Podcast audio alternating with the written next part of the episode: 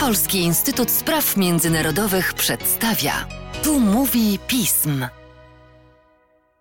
Tu mówi pism. Przy mikrofonie Mateusz Józwiak, a wraz ze mną Bartłomiej Znojek, analityk pism zajmujący się Ameryką Łacińską. Dzień dobry Państwu, cześć Bartku. Cześć.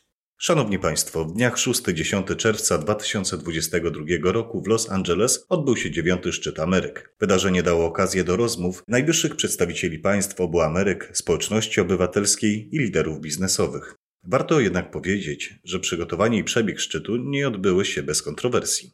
Zanim jednak skoncentrujemy naszą rozmowę na tematy związane bezpośrednio z dziewiątym szczytem, warto zapytać o to, co to w ogóle za format i jakie ma znaczenie.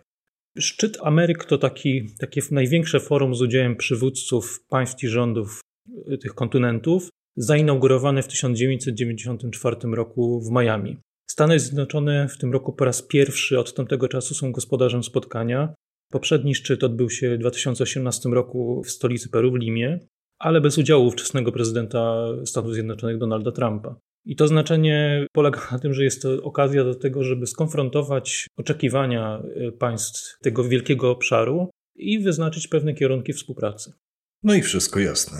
Warto więc zapytać, dlaczego tegoroczny szczyt zasługuje na tak szczególną uwagę.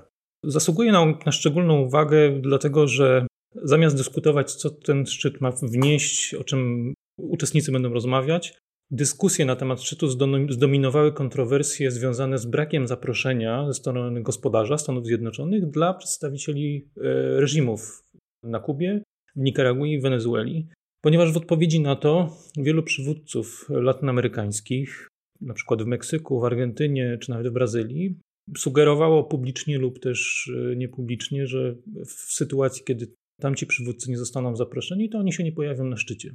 I Stany Zjednoczone mnóstwo energii poświęciły w tych miesiącach, tygodniach przed szczytem, żeby przekonywać ich do przyjazdu. Wysłannicy administracji Bidena pojawili się w Meksyku, w Brazylii.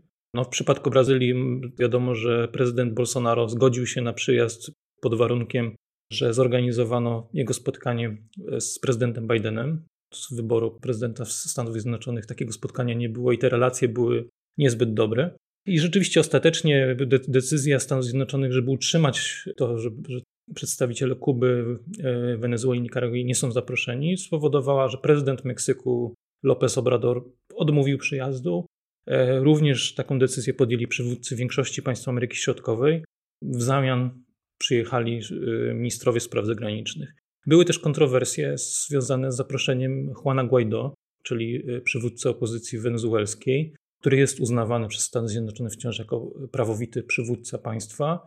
Natomiast wiadomo, że był to jeden z e, drażliwych tematów i skończyło się na tym, że jacyś przedstawiciele opozycji wenezuelskiej e, przyjechali, natomiast sam Guaido e, miał tylko rozmowę telefoniczną z Bidenem, ale z Wenezueli nie wyjechał. I właściwie ta, ta cała dyskusja na temat tego, kto weźmie udział, kto nie weźmie udziału, wpłynęła mocno na wyraźne kłopoty Stanów Zjednoczonych z określeniem tematów i spójnym przekazem w ogóle, na czym im zależy e, na tym szczycie. Powiedziałeś o kontrowersjach i różnych reakcjach głów państw zaproszonych. Co można powiedzieć o głównych tematach i celach Stanów Zjednoczonych jako gospodarza szczytu? Stany Zjednoczone próbowały, sformułowały tutaj tematy, które oczywiście e, są ważne dla tych wszystkich państw zorganizowały szczyt pod hasłem Budując zrównoważoną, stabilną i sprawiedliwą przyszłość, więc to coś, co każdy się może podpisać. Natomiast, tak jak wspomniałem, no, ten, ten przekaz nie był spójny. Można wyciągnąć z różnych deklaracji, z dokumentów oficjalnych taką grupę tematów, które były ważne dla organizatorów. E, przede wszystkim rządy demokratyczne, e, zrównoważona gospodarka, i tutaj w ramach tego niwelowanie nierówności i transformacja energetyczna i technologiczna, zdrowie w związku z doświadczeniami w walce z pandemią. I to jest kwestia i przekazywania szczepionek, ale też wzmacniania systemów e, służby zdrowia w, w państwach regionu, żeby być bardziej odpornym na przyszłe kryzysy sanitarne. Ponadto klimat i energia, bezpieczeństwo żywnościowe i migracje. Co ciekawe, temat, który jest e, bardzo ważny, ale według różnych doniesień prasowych niekoniecznie od razu się pojawił na liście tematów, które e, Stany Zjednoczone chciały poruszyć. I e, było to dosyć zaskakujące, dlatego że Stany Zjednoczone te w tym momencie notują rekordową liczbę migrantów próbujących przedostać się przez południową granicę do ich kraju. I warto jednak powiedzieć o dwóch ważnych celach, e, które może nie były tak wprost wypowiedziane. Jeden to jest e, tak naprawdę próba odbudowania wiarygodności, a drugi to jest stworzenie oferty konkurencyjnej dla Chin, które bardzo skutecznie zwiększają swoje wpływy w Ameryce Łacińskiej. I powiem trochę szczegółowo o tych dwóch rzeczach. Dlaczego wiarygodność? No oczywiście tutaj się nasuwa polityka poprzedniego prezydenta Donalda Trumpa, która była mocno konfrontacyjna, antagonistyczna wobec partnerów z Ameryki Łacińskiej. Natomiast trochę szerzej, to takie przekonanie w Ameryce Łacińskiej, że nie jest to region ważny dla Stanów Zjednoczonych, że są ważniejsze. Rozczarowanie obietnicami Bidena, bo jednak były tutaj takie, liczono w regionie na to, że on będzie bardziej zainteresowany współpracą z, z państwami latynoamerykańskimi. Natomiast różne jego obietnice niekoniecznie są spełnione. Taką obietnicą na przykład było przekazanie 4 miliardów e, dla państw Ameryki Środkowej w imię rozwiązywania przyczyn migracji. Natomiast ta kwota jest zablokowana w amerykańskim kongresie i trudno powiedzieć, kiedy będzie odblokowana, co pokazuje niewielką wiarygodność tych obietnic. Poza tym sam fakt e, tego, że kiedy państwa Ameryki Łacińskiej bardzo dotknięte przez pandemię walczyły z, z różnymi skutkami z kryzysu sanitarnego, Stany Zjednoczone dużo później niż Chiny i Rosja zaczęły pomagać wiem, przekazywać szczepionki e, do, państw e, Ameryki Łacińskiej.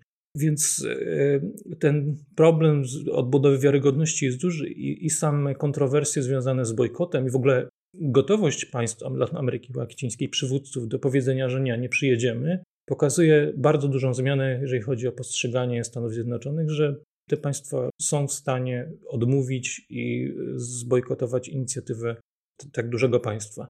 Natomiast jeżeli chodzi o Chiny, no to w, e, Chiny skutecznie zwiększają swoje wpływy w regionie. Same wypracowały wiele formatów współpracy z całym regionem Ameryki Łacińskiej i Karaibów w formacie Chiny CELAC. CELAC to jest wspólnota państw latynoamerykańskich i karaibskich.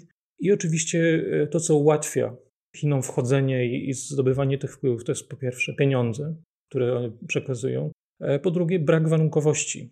Chiny nie pytają, jaka jest sytuacja e, praw człowieka, czy kwestia ochrony wolności obywateli, co mm, znacznie ułatwia bardzo, bardzo, bardzo, bardzo ułatwia działania. W takim razie warto zapytać, czy ten szczyt przybliżył USA do realizacji wspomnianych przez Ciebie celów, Jakie właściwie są szanse na ich realizację? Bo jeżeli popatrzymy na rezultaty szczytu, no to mogą, można powiedzieć, że one są imponujące. W ramach wydarzenia odbyło się kilka różnych spotkań, które poza szczytami liderów to szczyt społeczeństwa obywatelskiego, szczyt prezesów dużych firm, też szczyt e, młodej Ameryki, e, różnych młodych liderów. Na marginesie też odbył się szczyt medialny, więc tych spotkań tych różnych formatów do dyskusji było dużo. Efektem tych rozmów były też różne inicjatywy wypracowane przez uczestników. I to na przykład deklaracje e, Stanów Zjednoczonych dalszej pomocy dla regionu, na przykład na kwestie e, bezpieczeństwa żywnościowego, deklaracje inwestycji firm dla państw Ameryki Środkowej. Natomiast takie duże rzeczy to na przykład amerykańskie partnerstwo na rzecz rozwoju gospodarczego, taka inicjatywa, która ma stworzyć pewne ramy współpracy związanej z, zrównoważonym rozwojem. Poza tym mm, inicjatywy służące wsparciu systemu służby zdrowia. Jedna to jest finansowanie, wsparcie w tym, że odporności na, na kryzys sanitarny we współpracy z Panamerykańską Organizacją Zdrowia, która ma wzmocnić ten system w państwach Ameryki Łacińskiej. I wreszcie e, deklaracja na temat migracji i ochrony, czyli temat tak naprawdę, który jest palący w związku z tymi statystykami, które, o których wspominałem.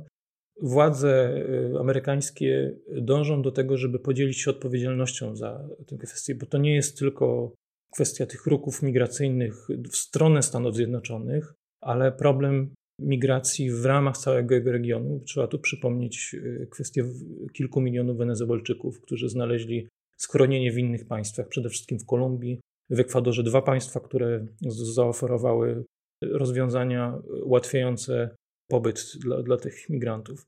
Natomiast coś, co na pewno może być przyniesie konkretne rezultaty, to jest planowany w Stanach Zjednoczonych w przyszłym roku w Denver szczyt miast, który biorąc pod uwagę bardzo wysoki wskaźnik urbanizacji w Ameryce Łacińskiej, rozwój miast, może mieć duże znaczenie, bo to jednak, jeżeli chodzi o władze miejskie i, i miasta, to może być ważny partner i tutaj mogą wyjść e, może przekonujące rezultaty, jeżeli chodzi o współpracę tych dwóch kontynentów. Natomiast jeżeli chodzi o szanse na realizację, czy warto tutaj zauważyć, że jednak szczyt obnażył rosnące rozczarowanie Stanami Zjednoczonymi i możliwością takiego asertywnego podejścia do inicjatyw e, Stanów Zjednoczonych.